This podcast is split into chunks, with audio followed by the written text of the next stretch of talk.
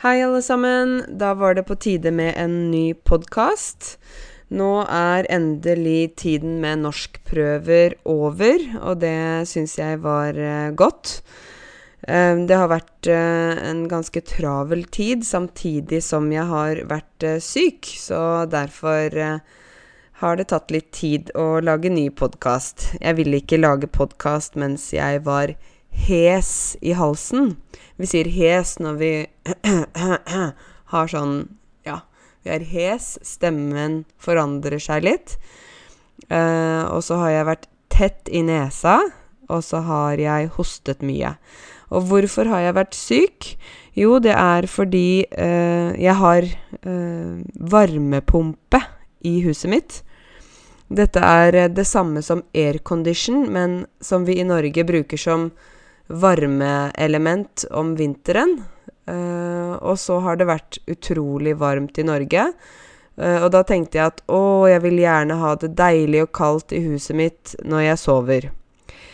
Uh, jeg var dum og skrudde ned på 18 grader og tenkte at alt var ok.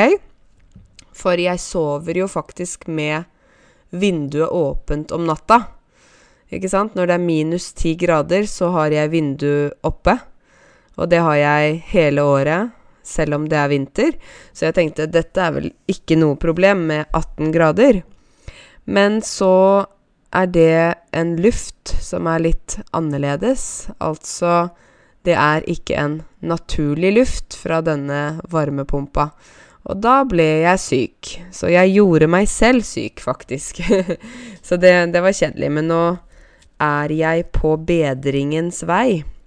Å være på bedringens vei betyr at man begynner å bli bedre, og snart er bra.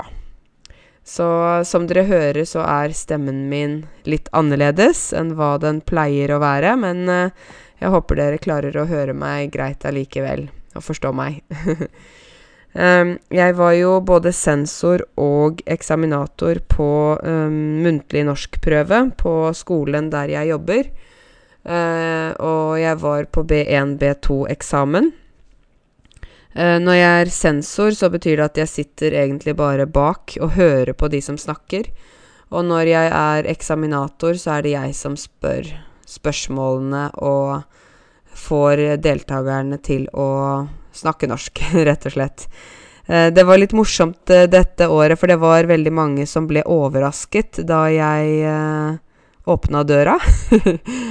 for det var jo eh, deltakere fra um, overalt, egentlig. Det var ikke deltakere som gikk på skolen der jeg jobbet. Så det kom folk fra Oslo, det kom folk fra Drammen, fra Tønsberg, fra ja, overalt. Og de ble veldig overrasket da de så meg, for eh, jeg tror mange av dere bare er vant til å se meg på YouTube-videoene. Så når de så meg uh, live, eller i levende live, som vi sier på norsk Når de så meg i levende live, så innså de at jeg faktisk er et menneske. tror jeg. Så det var jo veldig hyggelig. Det var jo en del som ble litt ekstra nervøs, da, når de så at jeg skulle være på prøven. Og det var jo egentlig litt motsatt av hva jeg ønsket, for eh, mitt mål er jo at folk skal slappe av eh, og ikke stresse. Eh, så det var litt rart for meg at folk ble litt stressa, men jeg tror uansett at eh, jeg prøvde i hvert fall å veilede de som hadde prøven når jeg var eksaminator, slik at de klarte å svare på noe, da.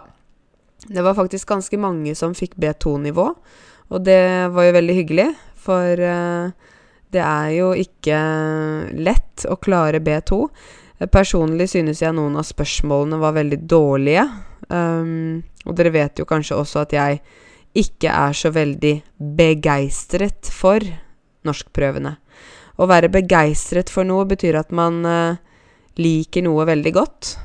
Jeg kan si f.eks. at jeg er begeistret for uh, Bollywood-filmer. jeg er begeistret for uh, blomster. Hva er du begeistret for?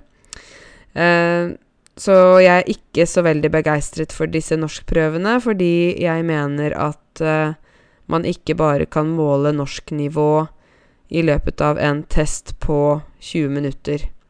Jeg mener at norsknivået er sammensatt, uh, at det er avansert, komplisert. Um, det var jo annet et spørsmål om uh, Mener du at arbeidsgivere bør stille krav til norskferdigheter? Uh, eller mener du at arbeidsgiver bør vurdere dine norskferdigheter på et jobbintervju? Det er jo et ganske langt og vanskelig spørsmål. Um, men personlig, da, så mener jeg at uh, uh, Det er jo greit å ha et nivå, på en måte at man kan si 'jeg er A2' eller 'jeg er B1', men allikevel så uh, Når alt kommer til alt, ikke sant, så er det jo når man er i jobben, det er da man virkelig kjenner om man klarer Om man har nok norsk eller ikke. Um, og det kan man jo kanskje også finne ut av på et intervju, dersom man uh, får en del spørsmål, da. Jeg har jo uh, jobbet med um, intervju, CV, søknad, alt dette her i mange år. Um, og det kommer veldig ofte de samme spørsmålene. noen ganger så synes jeg noen av spørsmålene er litt sånn idiotiske. Altså for eksempel hva er dine sterke, og hva er dine svake sider? Det er jo litt sånn rart, fordi det er jo ingen som ønsker å si ja, mine svake sider er at jeg er utålmodig, jeg er uh, egoistisk, jeg er Ikke sant? Ingen har lyst til å snakke sånn om seg selv på et jobbintervju, for man ønsker jo å få jobben. Men uh, da må man jo svare på disse spørsmålene, da.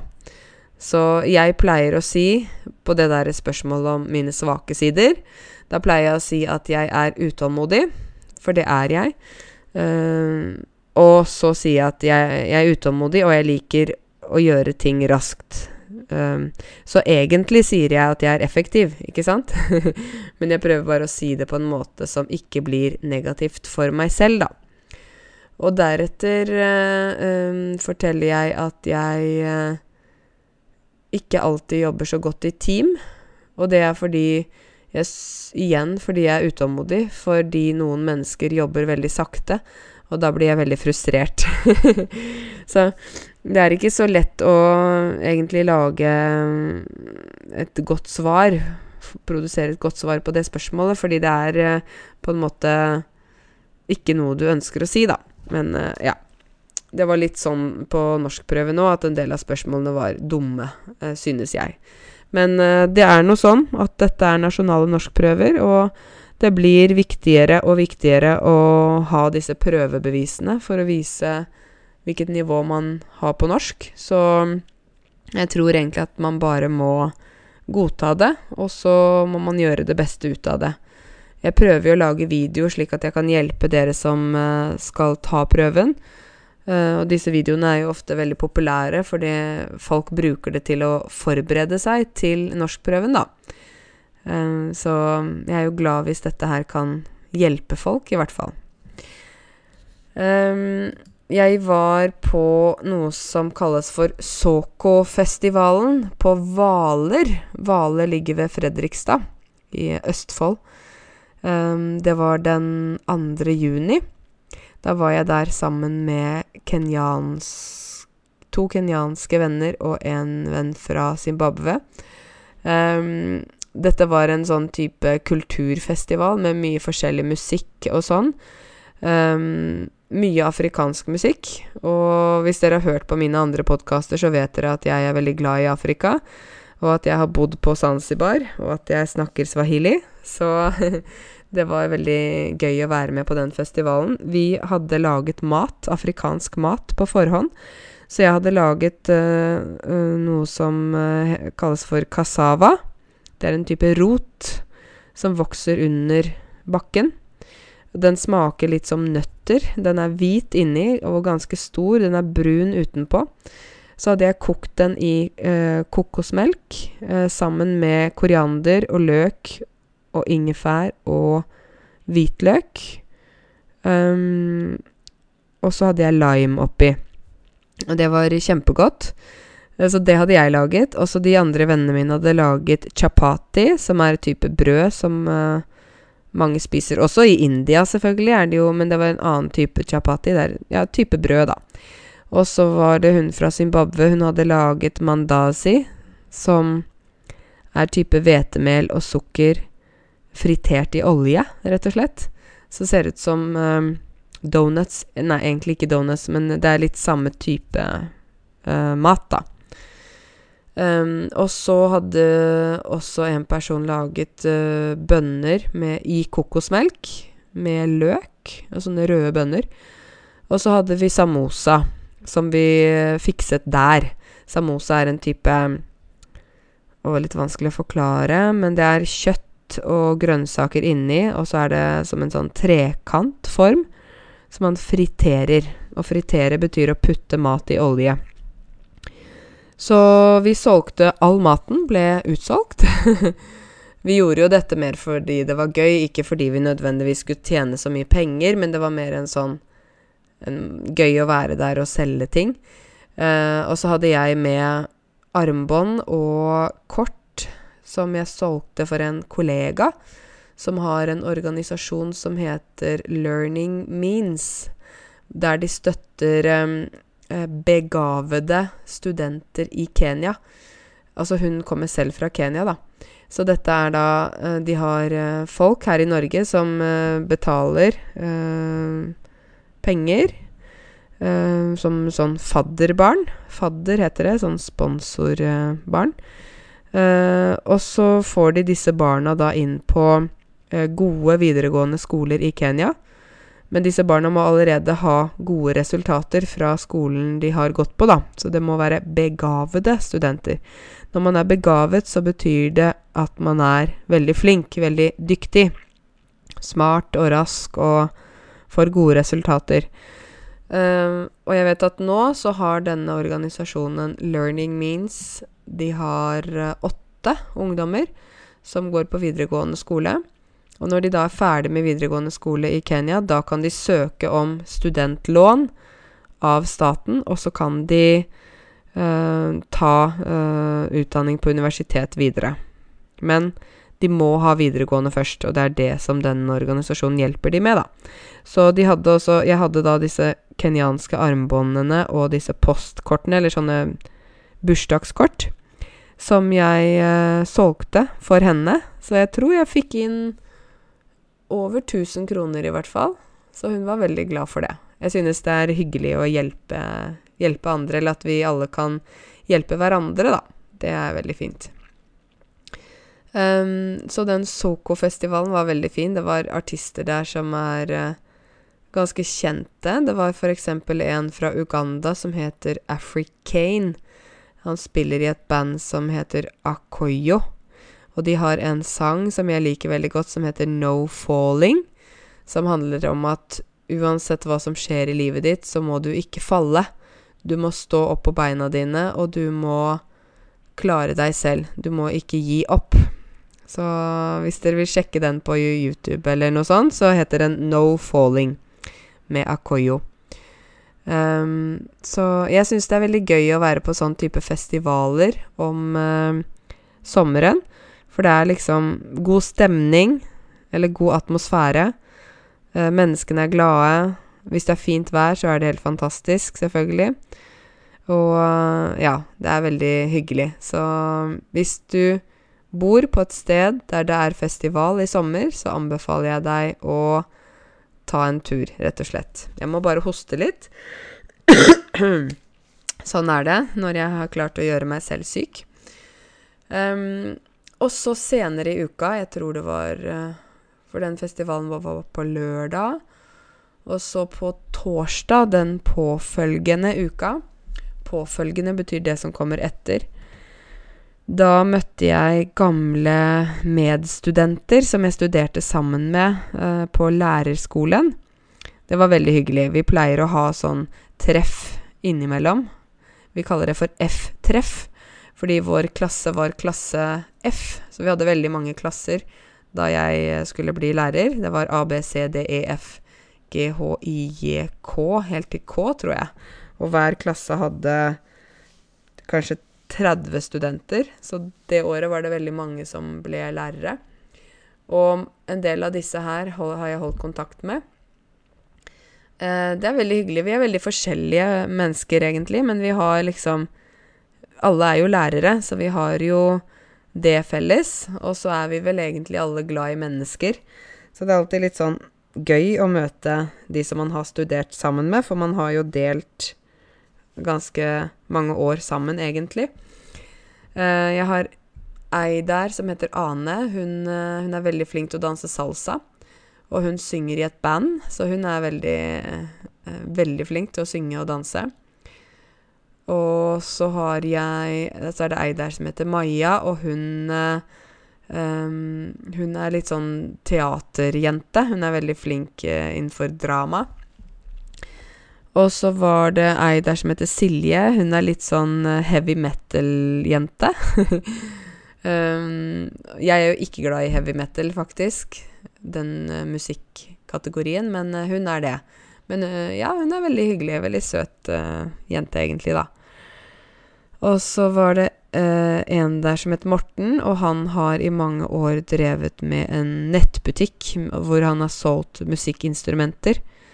Men nå har han sluttet med det, og nå skal han for første gang faktisk være lærer på en ungdomsskole. Så han har ikke jobbet som lærer siden vi ble ferdige med lærerskolen, men nå var det tid for det. Um, det er litt interessant å se hvilke veier folk går i livet. Noen av disse medstudentene mine har to-tre barn. Noen reiser jorda rundt. Noen uh, er både gift og skilt. Så det er veldig sånn forskjellig interessant å se uh, hvor um, veien går, da, for forskjellige mennesker.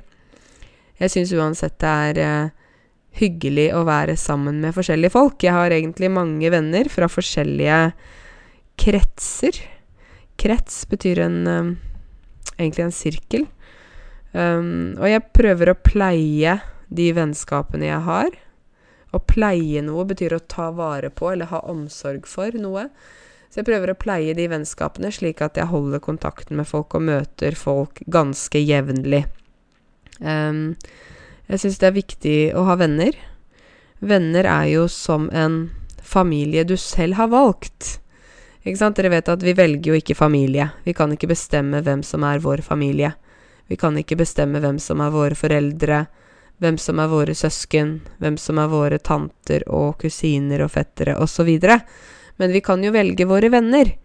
Og jeg føler at nære venner er som familie, på en måte. For det er kanskje heller slik at du snakker med venner hvis du har noen problemer, enn med familien. Det er vel litt forskjellig fra person til person, da. Men øh, jeg foretrekker å snakke med mine venner fremfor å snakke med min søster, for eksempel. For det er ikke alt jeg vil si til min søster. Og så er hun også min lillesøster, så jeg føler vel et slags ansvar for henne også. Så venner er gull verdt. Venner er gull verdt. Det sier vi. Mm. Um, forrige uke så var jeg på torsdag var jeg på Bislett Games. Bislett Games er et årlig arrangement som er på Bislett i Oslo. Det er et friidrettsarrangement, altså der er det folk som løper 400 meter, 800 meter, 5 kilometer. Det er vel også 100 meter. Og så har de sånn at de kaster kule, kaster spyd. Og så har det sånn at de skal hoppe høyde. De skal hoppe over en stang. Og så har de hekkeløp, hvor de hopper over sånne hindre som står på banen. Ja, det er forskjellig type sport, da. Men da var jeg med en kenyansk gjeng. Dere vet jeg har jo mange forskjellige venner, og disse er fra Kenya. Og kenyanere er jo kjent for å være veldig gode når det gjelder løping. Og der var det flere kenyanere som løp, og de fikk flere medaljer. Flere, og så fikk de også blomster. Så jeg sto der sammen med alle disse fra Kenya. Jeg var den eneste hvite. vi kaller eh, På swahili sier vi at folk som er hvite, kaller vi for mzungu. Eh, det er ikke sånn rasistisk, men det er bare sånn man sier, da. Unnskyld meg. Um, og da uh, Ja, da var vi Sto vi der og heia og sang på swahili, og mange var veldig overrasket fordi at jeg snakker swahili. Og da sa de oi, nå må vi passe oss, for du forstår jo faktisk hva vi sier. nå må ikke vi si noe til deg som er dumt. Uh, og jeg vet ikke om dere der ute har opplevd det, at uh, dere har vært på noen steder der dere kanskje kan et språk som ingen andre kan. Eller Ja, og så hører du på lokale folk snakke, og så forstår du alt de sier. Kanskje de til og med sier noe om deg. Um, og så kan du avsløre deg og si 'Du, jeg forstår hva du sier'. det er litt morsomt, da. Uh, så språk er makt, dere. Makt, altså når man bestemmer mye. Språk er faktisk makt. Uh, kan man flere språk, så har man mulighet til å ha kontakt med flere mennesker. Man har uh, Det er mer sånn Du kan kommunisere med andre, du kan forstå ting, du kan lese ting. Du får tilgang til mye informasjon, da, egentlig. Så det er, er viktig. jeg tenker på sånn som det var her før i Norge, da, da vi måtte snakke og skrives dansk.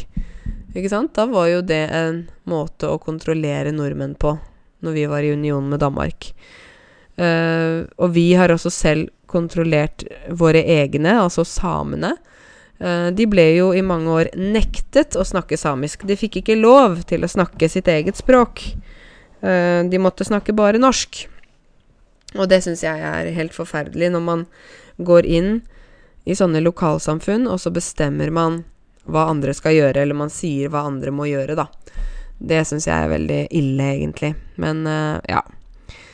Sånn, sånn, er det. Historien gjentar seg. Er det ikke sånn, dere? Vi mennesker lærer liksom aldri helt av våre feil. Vi gjør det samme igjen og igjen. Krigene fortsetter. Vi lærer ikke av forrige krig. Uh, folk uh, gjør dårlige ting mot hverandre. De lærer ikke hva, hva andre har gjort. Så jeg vet ikke helt hvorfor det er sånn. Um, jeg hadde jo også forrige uke to dager med suggestopedikurs for lærere. Dere vet at jeg driver med disse kursene, og da var de 32 lærere. Og av de lærerne er to som er forskere også, som forsker på språk. Så de skal skrive et prosjekt om uh, suggestopedi. Um, så det var spennende. Vi hadde besøk av en veldig flink professor som heter Jon Roar Bjørkevold. Han er veldig kjent. Uh, vi hadde booket han halve dagen. Han er, um, hva skal jeg si, musikkgeni. Når man er geni, så er man eksepsjonelt smart. Altså eksempel Albert Einstein vil man regne som et geni, eller Leonardo da Vinci. Så denne mannen er et geni innenfor musikk. Han øh, skrev øh, for lenge siden en bok som het 'Det musiske mennesket', som handler om hva musikk gjør med oss mennesker, og hvordan vi responderer på musikk, hvor viktig musikk er for oss. Han snakket om at uh, når en dame er gravid, så blir babyen vant til stemmen hennes, og kan gjenkjenne stemmen til mamma når babyen da kommer ut. Men babyen kan også gjenkjenne musikk som har blitt spilt mens babyen lå i magen. Og det er ganske interessant. Uh, og så snakket han Jon Roar, som han heter. Professor Jon Roar Bjørkvold. Han snakket også om um, det når vi blir gamle, altså hvis noen får demens eller Alzheimer. Det er jo den sykdommen der eh, du glemmer ting, ikke sant? Du trenger ikke være så gammel, men det skjer ofte når du er gammel, da. Um, dersom du glemmer ikke sant? Du glemmer uh, hva du heter, du glemmer hvor du bor, du glemmer hvem du er gift med, ikke sant? Skjønner du da hva jeg mener? Alzheimers. Um, Og øh, han sa det at øh, hvis du har Alzheimer, så er det slik at de sangene du hørte på i voksen alder, de glemmer du helt. De sangene du hørte på i ungdomsalderen, de kan du huske, Men sangene som du hørte da du var barn, de sitter fortsatt i hjernen. De husker du. Um, og han fortalte om en god venn av ham som er um, komponist. En komponist er en person som lager musikk. Han har skrevet en veldig kjent uh, julesang som heter Tenn lys. Det er en sang som alle nordmenn kan. Uh, du kan jo søke på YouTube hvis du vil. Uh, Tenn lys. Det er en sang med fire vers. Um, så han som da har skrevet denne sangen, uh, han har fått Alzheimers. Så fortalte da Jon Roar, denne professoren, han fortalte om at når han møter denne kameraten sin, så han har ikke språk lenger. Han snakker ikke, han kan ikke snakke. Han sier bare Åh! Det er det eneste han klarer å si. Så tenkte han Jon Roar at ok, men jeg kan spille musikk for ham. Jeg kan jo spille hans sang. Jeg kan jo spille Tenn lys på piano og synge. Da vil han sikkert bli glad, for han vil jo huske sin egen sang. Da han begynte å spille Tenn lys, så var det ingen reaksjon fra denne mannen. Ingen reaksjon. Han var fortsatt bare helt borte, ikke interessert. Du kunne ikke se at han Det var han som faktisk hadde laget denne sangen. Så tenkte han ok, kanskje jeg heller må spille en ungdomssang. Kanskje han husker en ungdomssang? Og da spilte han Tom Dooley. Kanskje noen av dere har hørt den? Hang down your head, Tom Dooley. Hang down your head and cry. Har du hørt den? Og da, når denne mannen hørte den sangen, da han hørte cry, da plutselig sa han 'cry'. Plutselig kom bare det ordet. Og så tenkte han uh, Jon Roar tenkte ok, da må jeg spille en barnesang. Kanskje han husker barnesangene? Fordi, dere, som jeg sa, så hadde ikke denne mannen språk, ikke sant? Så han tenkte ok, la meg uh, synge Trollmor. Når trollmor har lagt sine elleve små troll så sang han Når trollmor har lagt sine elleve små troll og bundet dem fast i svansen, da synger hun sakte for elleve små troll de vakreste ord hun kjenner. O-ai-ai-ai-ja-boff, o-ai-ai-ai-ja-boff, o-ai-ai-ai-ja-boff, boff. Ai, ai, ai, ai, poff.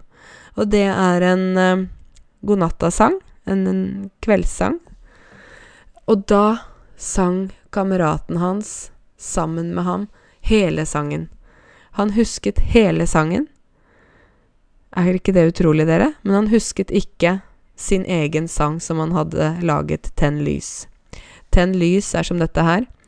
Tenn lys, et lys skal brenne for denne lille jord. Den blanke himmelstjerne, der vi og alle bor.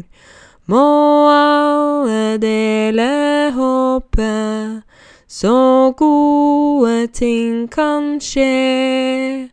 Må jord og himmel møtes, et lys er tent for det. Nå har ikke jeg den beste sangstemmen i dag, for jeg er hes. Husker dere det ordet? Hes. Men jeg er veldig glad i å synge, da. Det vet dere kanskje også. Så denne sangen 'Tenn lys' har jo fire vers, men han som da har skrevet den, han husket ingenting. Så det er ganske utrolig hva musikk gjør med mennesker. Uh, og denne professoren har snakket altså om at alle land har um, sanger som alle kan, og det er ofte barnesanger. Det er sanger som man arver, det er sanger man lærer på skolen, sanger man lærer av foreldrene, og de sitter i minnet. Altså, de sitter i hjernen helt til vi blir gamle, og helt til vi dør. Men de sangene vi lærer oss som voksne, de kan vi risikere å glemme hvis vi f.eks. får Alzheimers eller noe sånt. Så musikk, dere, det er veldig viktig. dere som bor i Norge og har barn i Norge, jeg håper dere er flinke til å lære barna deres sanger og fortelle eventyr, fortelle fortellinger fra hjemlandet deres. For dere er faktisk de eneste som kan gi dem dette. De barna som vokser opp i Norge, lærer jo om Norge og norsk kultur, men det er kun foreldrene som kan lære barna om dette hjemme. Ikke sant? Og derfor har dere som foreldre ansvar for å lære deres barn om historien til deres hjemland, altså ditt hjemland. Og jeg synes også det er veldig viktig at uh, når man bor i et nytt land og har uh, etablert seg, altså laget et liv her, sånn som i Norge f.eks., så er det veldig viktig at dere bruker et rikt språk når dere snakker med barna deres. Eh, bruk et språk som er interessant, som har mye innhold, som har variasjon i ord og melodi, og Fortell fortellinger for dem. Les fra bøker. Lær barna dine uh, et rikt språk av ditt morsmål, slik at de ikke bare snakker til dem 'Kom her, sitt, nå kan du spise. Har du gjort lekser? Hvor, øh, hva skal du gjøre etterpå?' Altså ikke bare sånne ordre, men også snakk med barna, slik at de får det språket som dere selv fikk da dere vokste opp. Det er kjempeviktig, for det er faktisk bare foreldrene som kan gi de det, da. Det syns jeg er veldig viktig. Jeg er opptatt av språk, ikke sant? Uh, ja. Dere, nå er det uh, Det har vært vi, vi, sier at Afrika har kommet til Norge. De siste ukene så har det vært utrolig varmt. Jeg skal ikke snakke om været nå, for det er veldig kjedelig, men det har vært det vi kaller for en hetebølge. En bølge, ikke sant, det er vann Uh, en tsunami er en stor bølge, men vi har vanlige bølger også i havet. Når vi har en bølge av hete, da betyr det at det kommer varme hop inn over landet. Så vi har hatt en hetebølge i Norge. Det har vært utrolig varmt. Um, det har vært fare for skogbrann rundt omkring uh, i Norge fordi det har vært så tørt. Tørt blir det hvis det ikke kommer regn. Da blir det tørt. Så det har vært veldig tørt. Uh, det har vært skogbranner, altså at det har begynt å brenne i skogen rundt omkring. Um, og det, det, er jo det som skjer når det blir for tørt. Vi fikk litt regn her om dagen, og da tror jeg alle var veldig fornøyde. Jeg tror til og med noen danset en regndans i stua, sånn som indianerne gjør. Um, og jeg syns det er veldig fint når det er uh, veldig varmt. Um, jeg liker å sole meg, sånn at jeg får litt brunfarge. Jeg synes jeg ser litt friskere ut da. Friskere i ansiktet. Men um, når det blir for varmt, så Og jeg har ikke hatt mulighet til å bade, jeg har ikke hatt tid, da, da syns jeg det blir for mye. Men det som er fint når det er så varmt, er jo at man kan være mye ute, og det er jo bra. Um, sånn som i dag har jeg vært og kjøpt nye blomster til verandaen min, uh, og til inngangspartiet mitt. Inngangspartiet er liksom området rundt der du går inn, da. Så jeg har plantet blomster. Jeg har plantet solsikke. Nå kan du jo sjekke etterpå på Google hvis du vil hvilke blomster jeg har plantet. Solsikke. Og jeg har plantet uh, hortensia. Jeg har plantet margeritter. Jeg har plantet uh, forglem meg-ei. Jeg har også plantet tomater, sånne små tomater, uh, og litt forskjellig. Så nå er det veldig fint og grønt på verandaen min. Jeg syns det er så hyggelig med blomster. Blomster gir uh, glede. Det er så fint å se på. Og samtidig så må man jo vanne de og ta vare på de, så man må jo Man har jo litt å gjøre når man har blomster, men jeg kan ikke tenke meg et liv uten noe blomster eller uten noe planter rundt meg, da. Så da var jeg i stad på et gartneri. Gartneri, det er jo det stedet der de har blomster, planter osv. Og, så og hagemøbler, kanskje. Så jeg var på et gartneri i stad. I stad betyr for en liten stund siden. Da var jeg på et gartneri og kjøpte blomster, rett og slett. Så nå, nå er det kjempefint hjemme hos meg. Um, dere um, Dere som ønsker å lære mer norsk og komme opp på et bedre nivå, dere bør jo lese litt. Dere bør jo lese um, norsk. Norske bøker. Det er jo på et høyere nivå, selvfølgelig. men jeg vil gjerne fortelle dere om en bok som jeg leser nå. Den boka heter Skal liksom Liksom-passet ditt bety noe? Det er ikke bare én forfatter, det er forskjellige forfattere, forskjellige unge mennesker, som har skrevet innlegg. Altså de har skrevet deler, kapitler, i denne boka. Nå må jeg bare bla litt her. Unnskyld hvis det kommer mange lyder. Um, det handler om uh, mennesker med forskjellig bakgrunn som har vokst opp i Norge. Uh, og de skriver om hvordan det er å være norsk, men samtidig foreldre som kommer fra en annen bakgrunn.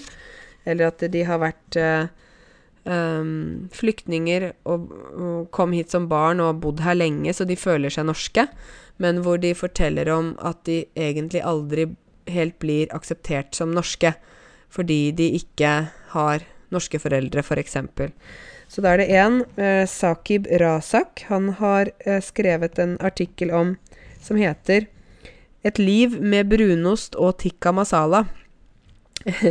han er da selv eh, norsk-pakistaner, som han kaller seg. Um, norsk-pakistaner betyr da at du er norsk, men at uh, foreldrene dine har pakistansk opprinnelse. Og han forteller da om uh, hvordan det er å være norsk-pakistaner i Norge. Så et liv med brunost og tikka masala. Han uh, snakker mye om integrering. Og integrering, dere, det er jo et begrep. Et begrep er et ord som inneholder mye forskjellig. Um, dette med integrering var jo noe som de ble veldig opptatt av da de første innvandrerne kom til Norge uh, på slutten av 60-tallet, begynnelsen av 70-tallet. Da kom det folk til Norge fra India og Pakistan, og noen fra Tyrkia. Og de kom hit for å jobbe. Det var grunnen til at de kom. Ikke fordi de var flyktninger, ikke fordi de var gift med nordmenn, men de kom for å jobbe, rett og slett. Og nå per i dag så er det jo fjerde og femte og sjette generasjons pakistanere, f.eks. Altså der eh, de som har blitt født som andre generasjon og tredje og fjerde generasjon, de er vokst opp i Norge, og de føler seg norske. Samtidig vet de at foreldrene kommer fra en annen kultur, så det er litt sånn vanskelig å definere. Um, jeg tenkte jeg skulle bare lese lite grann um, fra det han skriver, uh, av denne artikkelen hans. Unnskyld. Jeg må bare hoste litt innimellom.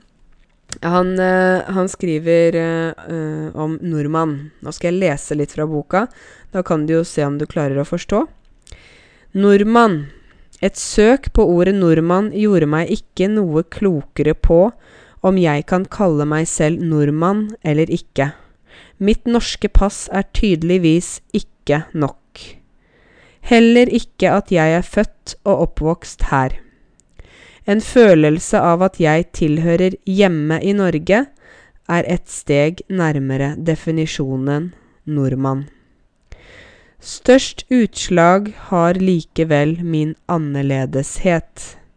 En av mine største styrker, men også en av mine sårbarheter. Jeg skjønner godt hvorfor ungdommen ikke føler seg norske når forskjellen mellom oss og dem stadig får så stor plass i samfunnsdebatten. Noen innvandrere som har blitt heiet på og hjulpet både av kritiske og mer liberale innvandringstalsmenn, er de som har opplevd å bli utsatt for urettferdigheter fra sine egne etniske grupper og tatt et oppgjør med sine miljøer. De har blitt akseptert og blitt en del av fellesskapet, av oss. Men hva da med oss andre, vi som ikke har den samme historien fra våre miljøer, som ikke har, no har noe å ta oppgjør med, vil vi aldri bli en del av fellesskapet. Jeg er redd for å åpne en avis. Redd for å lese enda en artikkel om terror. Terror utført av en som er født og oppvokst i et vestlig land, men med muslimsk tro. Det skaper alltid en tung følelse i kroppen. Alle nervene knytter seg sammen. Jeg blir stum, og kroppen reagerer litt som en soldat på vakt. Jeg føler jeg leser om meg selv. Leser om meg selv som tredjeperson, i noe som er så fjernt, men likevel så nært. Kommer denne følelsen noen gang til å bli borte? Jeg skulle ønske jeg ikke følte behov for å skrive denne teksten. Jeg skulle ønske jeg ikke trengte å påpeke at jeg er nordmann, på lik linje med alle andre i Norge. Et ønske om likhet, samhold, individualitet og forståelse. Ironisk nok er dette bare ett av mange ønsker som ikke ser ut til å gå i oppfyllelse. Så han uh, skriver denne teksten her. Uh, det er jo en lengre tekst. Men han skriver om uh, sin erfaring som norskpakistaner. Han er fortvilet. Å være fortvilet betyr at man er Man vet ikke helt hva man skal gjøre. Han er fortvilet fordi han føler at han aldri blir norsk nok. Når er jeg norsk nok? Når er det bra nok? Uh, er norsk pass Er jeg norsk nok da? Og han føler at han ikke er norsk nok med norsk pass. Han snakker flytende norsk. Han studerer juss på universitetet, han skal bli advokat. Men allikevel så er han mørkere i huden, han har mørkere øyne, og av den grunn så føler han at han ikke blir en del av fellesskapet. Han snakker jo om Uh, de som har tatt oppgjør med sine egne miljøer. Altså det betyr f.eks. Shabana Rehman. Hun er en standup-komiker. Hun er pakistansk, eller norsk-pakistaner. Hun har tatt oppgjør, altså hun har konfrontert mange folk i det norsk-pakistanske miljøet. Og hun er nå ekskludert fra det norsk-pakistanske miljøet, men hun har kommet inn og blitt akseptert i det norske miljøet. Og han her, eh, eh, Sakib, han lurer jo rett og slett på Er det slik at jeg må ta Krangle eller diskutere med mine egne folk, eller de som er fra samme kultur, og altså ikke ha kontakt med andre norskpakistanere for at nordmenn skal akseptere meg? Jeg synes jo at det er et interessant spørsmål. Um, dette med inkludering er jo veldig viktig. Man har snakket om integrering veldig lenge, men det å bli integrert er ikke så lett. For det å være integrert betyr at du virkelig er helt inn i det samfunnet. Uh, men som han selv skriver, selv om jeg spiser brunost, selv om jeg går på ski, selv om jeg snakker flytende norsk, og jeg har norsk pass, så er jeg allikevel ikke helt integrert. For jeg har også en annen kultur fra øh, familien min. Og da er jeg ikke helt 100% norsk. Han snakket også om det med assimilering. Assimilering, det betyr at når man er helt inn i en ny kultur, da er man helt Man glemmer den man egentlig var, og blir bare helt norsk, f.eks. Han øh, øh, Sakib sier at det er heller ikke bra, fordi man kan ikke glemme hvor man kommer fra. Man må ikke glemme den man er, for den du er, har gjort deg til uh, den personen som du er i dag. Og hvis du skal glemme det, så må du også glemme mye av din identitet. Og det går ikke. Vi må være den vi er, med alt som vi er. Så han uh, skriver om at det som er det beste, er inkludering. Ved inkludering så får man lov til å være seg selv eh, med sin bakgrunn, men man er samtidig inn i samfunnet. Man er ikke ekskludert, som er det motsatte. Jeg skal lese litt til fra boka.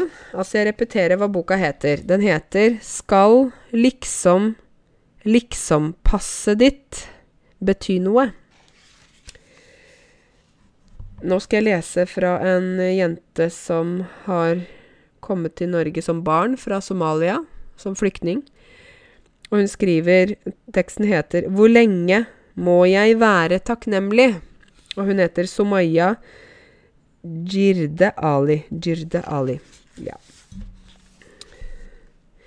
Hun skriver April 2017 passerte jeg mitt tolvte leveår i Norge. Landet som ble kåret til verdens lykkeligste av FN-kommunisjonen for bærekraftig utvikling. Det gledet meg å se at Norge, et land som jeg lenge hadde omtalt som det beste i verden, skåret så høyt på listen. Dette landet har gjort meg og min familie lykkelige.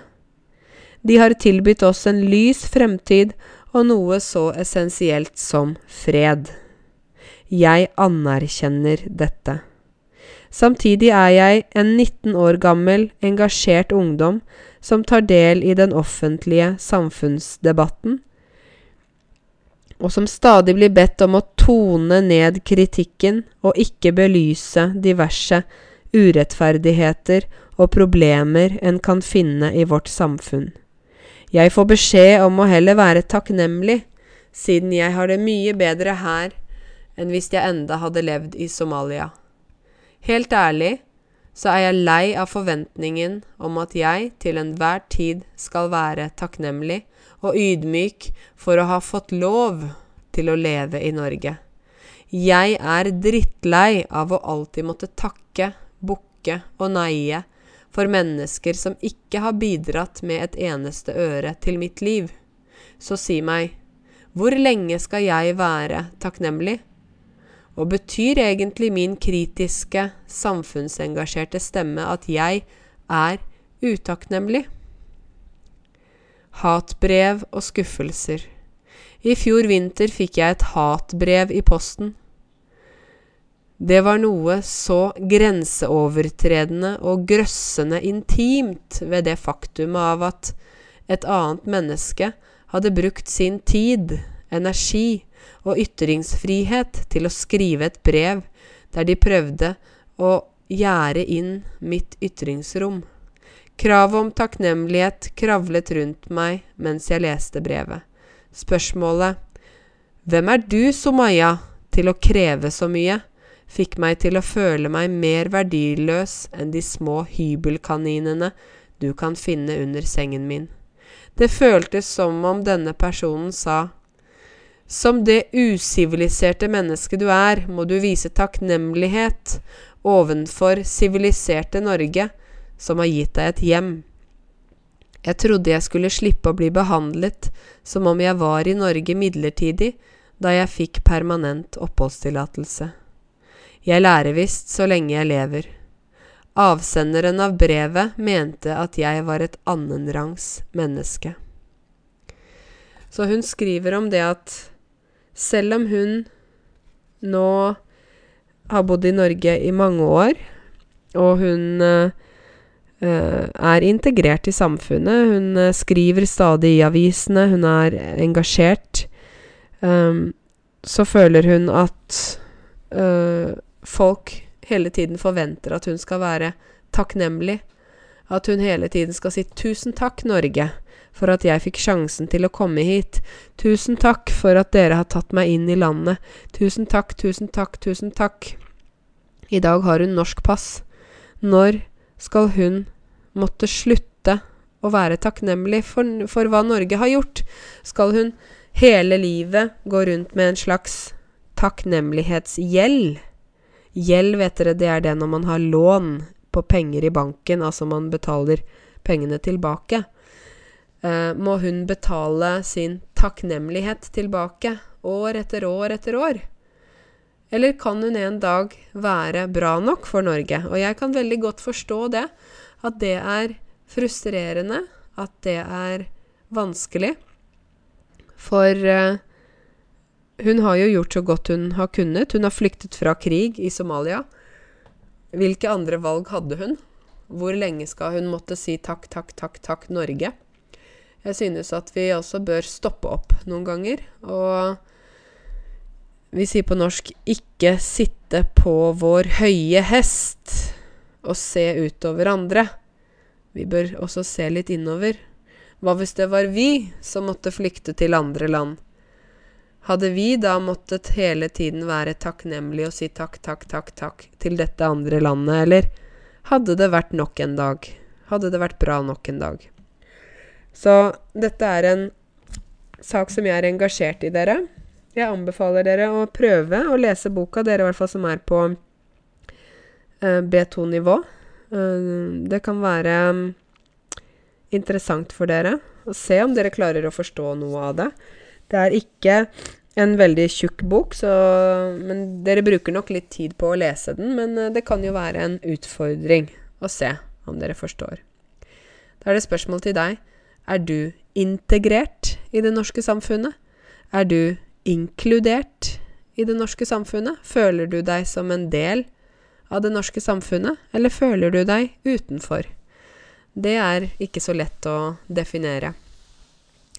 Dere må fortelle dere om um, en student som jeg har på skolen min, som jeg er veldig imponert over. Han hører sikkert på denne podkasten nå. Jeg skal ikke si navnet, men han vet selv hvem han er. Um, det er en uh, mann som begynte å studere norsk for fire måneder siden. Og i går hadde vi en samtale, for han uh, studerer på min skole, så han har samtaletimer med meg, og samtidig har han nettkurs i norsk. Og jeg pleier å skrive opp feilene som studentene gjør, og så pleier vi å gå igjennom de feilene på slutten av timen. Jeg hadde et dokument oppe der jeg var klar til å skrive, klar til å skrive opp hans feil, men jeg kunne ikke finne feil. Jeg skrev ingenting på dokumentet. Vi snakket sammen en time. Det var første gang han snakket uh, norsk så lenge med nordmann. Jeg tror det var nesten første gangen han snakket norsk i en lengre samtale. Um, han har bodd i USA i uh, flere år og jobber som forsker der. Embryolog, faktisk. Det er de som jobber med assistert befruktning. Altså når folk ikke kan få barn, så hjelper de til med, med På laboratorium, tror jeg. Med egg og sædceller. Slik at de som ikke kan få barn, kan få hjelp da, til å få barn. Og han snakket utrolig eh, bra norsk. Jeg var helt overrasket. Han eh, Jeg tror han er kanskje på B1-nivå nå. Studert norsk i fire måneder. Og, og, ikke, bor ikke i Norge. Så det er ganske utrolig, dere. Og han fortalte meg at han hørte på disse podkastene. Han hadde hørt på hver episode tre ganger. Og da tenkte jeg at oi, nå er det jammen på tide at jeg lager en ny. Um, og han hadde en ordbok som han brukte flittig. Å bruke noe flittig betyr at man gjør det mye, ofte. Uh, og han studerte da også på nettet, og i tillegg så han på mine YouTube-videoer. Så ut fra dette så har han da klart å lære seg norsk selv. Og jeg må bare si at jeg er helt imponert. Det var utrolig. Uh, jeg fortalte han at han har språkøre. Å ha språkøre betyr at man er flink til å lære språk. Man lærer raskt, og man lærer riktig. Man får ikke så sterk aksent eller sånn voldsom uttale. Så det går an, dere, men selvfølgelig krever det at man jobber hardt. Det krever at man går 100% inn for det, ikke 50% Man må gjøre det skikkelig. Um, og så krever det at man uh, virkelig er aktiv selv, da, og viser interesse. Så han har nå fått fast jobb i Trondheim. Flytter til Trondheim eh, nå snart. Eh, og er allerede på B1-nivå, så da er det jo lett for han å jobbe seg opp mot B2-nivå. Så det er mulig, dere. Uh, jeg har også en annen student faktisk som bor i Trondheim. Uh, og hun kom til Norge i høst. Hun er også veldig flittig, jobber veldig hardt for å lære seg norsk. Studerer også online med meg, hører på podkastene, ser på YouTube, ser på barne-TV, tror jeg. Er veldig aktiv i Røde Kors. Og jeg har fortalt dere før om det med Røde Kors, at det kan være en veldig fin måte å lære språk på. Eh, de går jo ofte på turer, de er på språkkafé. De har arrangementer der man kan være med. Og hun har vært så flink at hun faktisk har blitt invitert til å bli um, ansvarlig for uh, aktiviteter på Røde Kors. Sånn at hun uh, uh, har vært med hele tiden selv og vært så flink at hun faktisk har blitt spurt om det. Og det tenker jeg viser bare det at det å være engasjert, det å vise interesse, det med å være med i organiserte aktiviteter, det hjelper veldig. Um, det er sånn man kan møte nordmenn, det er sånn man kan bli kjent med nordmenn. Man må selv være aktiv, man må selv del delta. Så gjør du det der du bor, om du er med på sport, eller om du er med på noen forskjellige hobbyklubber, musikkor, eller hva det måtte være, så er det muligheter. Um, jeg husker også jeg hadde en dame en gang fra Myanmar. Uh, og hun hadde bodd her lenge, men hadde veldig problemer med norsk uttale. Og jeg jobbet med henne med uttale. Det var ikke så lett, um, for hennes uh, morsmål, burmesisk, er så veldig forskjellig fra eh, norsk. Det jeg anbefalte henne, var å begynne i et kor. Kor er når mange synger sammen. Så hun ble med i et kor. Hun har fortsatt i dette koret. Jeg, det var jo seks-syv år siden jeg sluttet i den jobben jeg hadde på den tiden. Men hun er med i kor. Uh, hun reiser med koret rundt om i Norge. De har konserter. Hun sier selv at uh, 'jeg er ikke så flink til å synge, men uh, jeg synger med den stemmen jeg har'. Og hun har fått mye bedre uttale etter hun begynte i koret. Hun snakker tydeligere, det er lettere å forstå hva hun sier. For hun var jo hun hadde allerede tatt bergenstesten skriftlig. Hun var kjempeflink. Um, så det viser bare at det er mange veier til rom. mange veier til Roma, betyr det egentlig, da. Så jeg syns at eh, dere også bør være kreative i forhold til hvordan dere lærer språk. At det ikke bare er på én måte. Ikke bare med boka og grammatikkøvelsene, men også ved å se pro på programmer, høre på podkast, høre på radio, være med i organiserte aktiviteter, frivillige aktiviteter, eh, synge. Uh, ja, det er så mange måter man kan lære seg språk på, sånn som denne studenten fra Brasil som virkelig hadde lært så mye på så kort tid, uten egentlig å gå på et kurs og sitte i klassen, ikke sant? Så det, det viser bare at det er mulig, da. Nå nærmer sommeren seg med stormskritt. Stormskritt betyr at det går veldig fort. Eh, neste uke, fra neste uke har jeg sommerferie. Jeg har faktisk ikke lagt noen sommerferieplaner denne sommeren. Jeg har bestemt meg for at jeg vil bare ha det helt åpent. Så vil jeg se hva som skjer. Jeg skal um, sikkert ta meg noen turer, men jeg har ikke kjøpt noen billetter, har ikke bestilt noen ting. Tenkte bare at jeg skal ta det som det kommer. Å ta det som det kommer betyr at man bare man bare ser hvordan ting blir. Så jeg skal ta det som det kommer, og så hvis jeg drar på ferie, så gjør jeg det. Hvis jeg ikke gjør det, så kan det hende at jeg bare er hjemme i Norge og tar noen småturer. Og så har jeg utrolig mange YouTube-videoer som jeg må lage, så jeg trenger også faktisk tid til det. Men uh, hva skal du gjøre i sommer? Det er jo spennende uh, å høre hva dere skal. Um, dere som er inne på Podomatic, dere kan jo skrive i kommentarfeltet. Dere som hører på iPhone, det er ikke så lett for dere å skrive. Men um, jeg håper uansett hva du skal i sommer, at du kommer til å gjøre noe som gjør deg glad, da.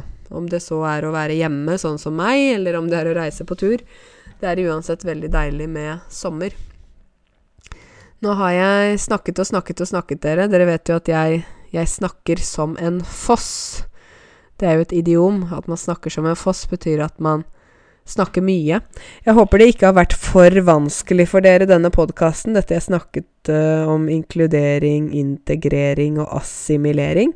Men jeg syns det er kan være nyttige ord for dere. Nye ord som dere kan uh, lære dere slik at dere beriker vokabulæret. Altså dere utvider vokabulæret og blir flinkere til å snakke norsk. Så får dere gjøre som denne studenten fra Brasil, ikke sant? Prøv å få inn norsk på så mange måter som mulig. Gjør du det, så vil også hjernen din akseptere språket raskere. Og da vil du lære raskere uten å stresse. Så prøv å gjøre det. Syng en norsk sang. ok, dere. Jeg ønsker dere alle sammen fortsatt en god uke, og tusen takk for at dere hørte på meg. Og vi høres snart igjen. Ha det godt.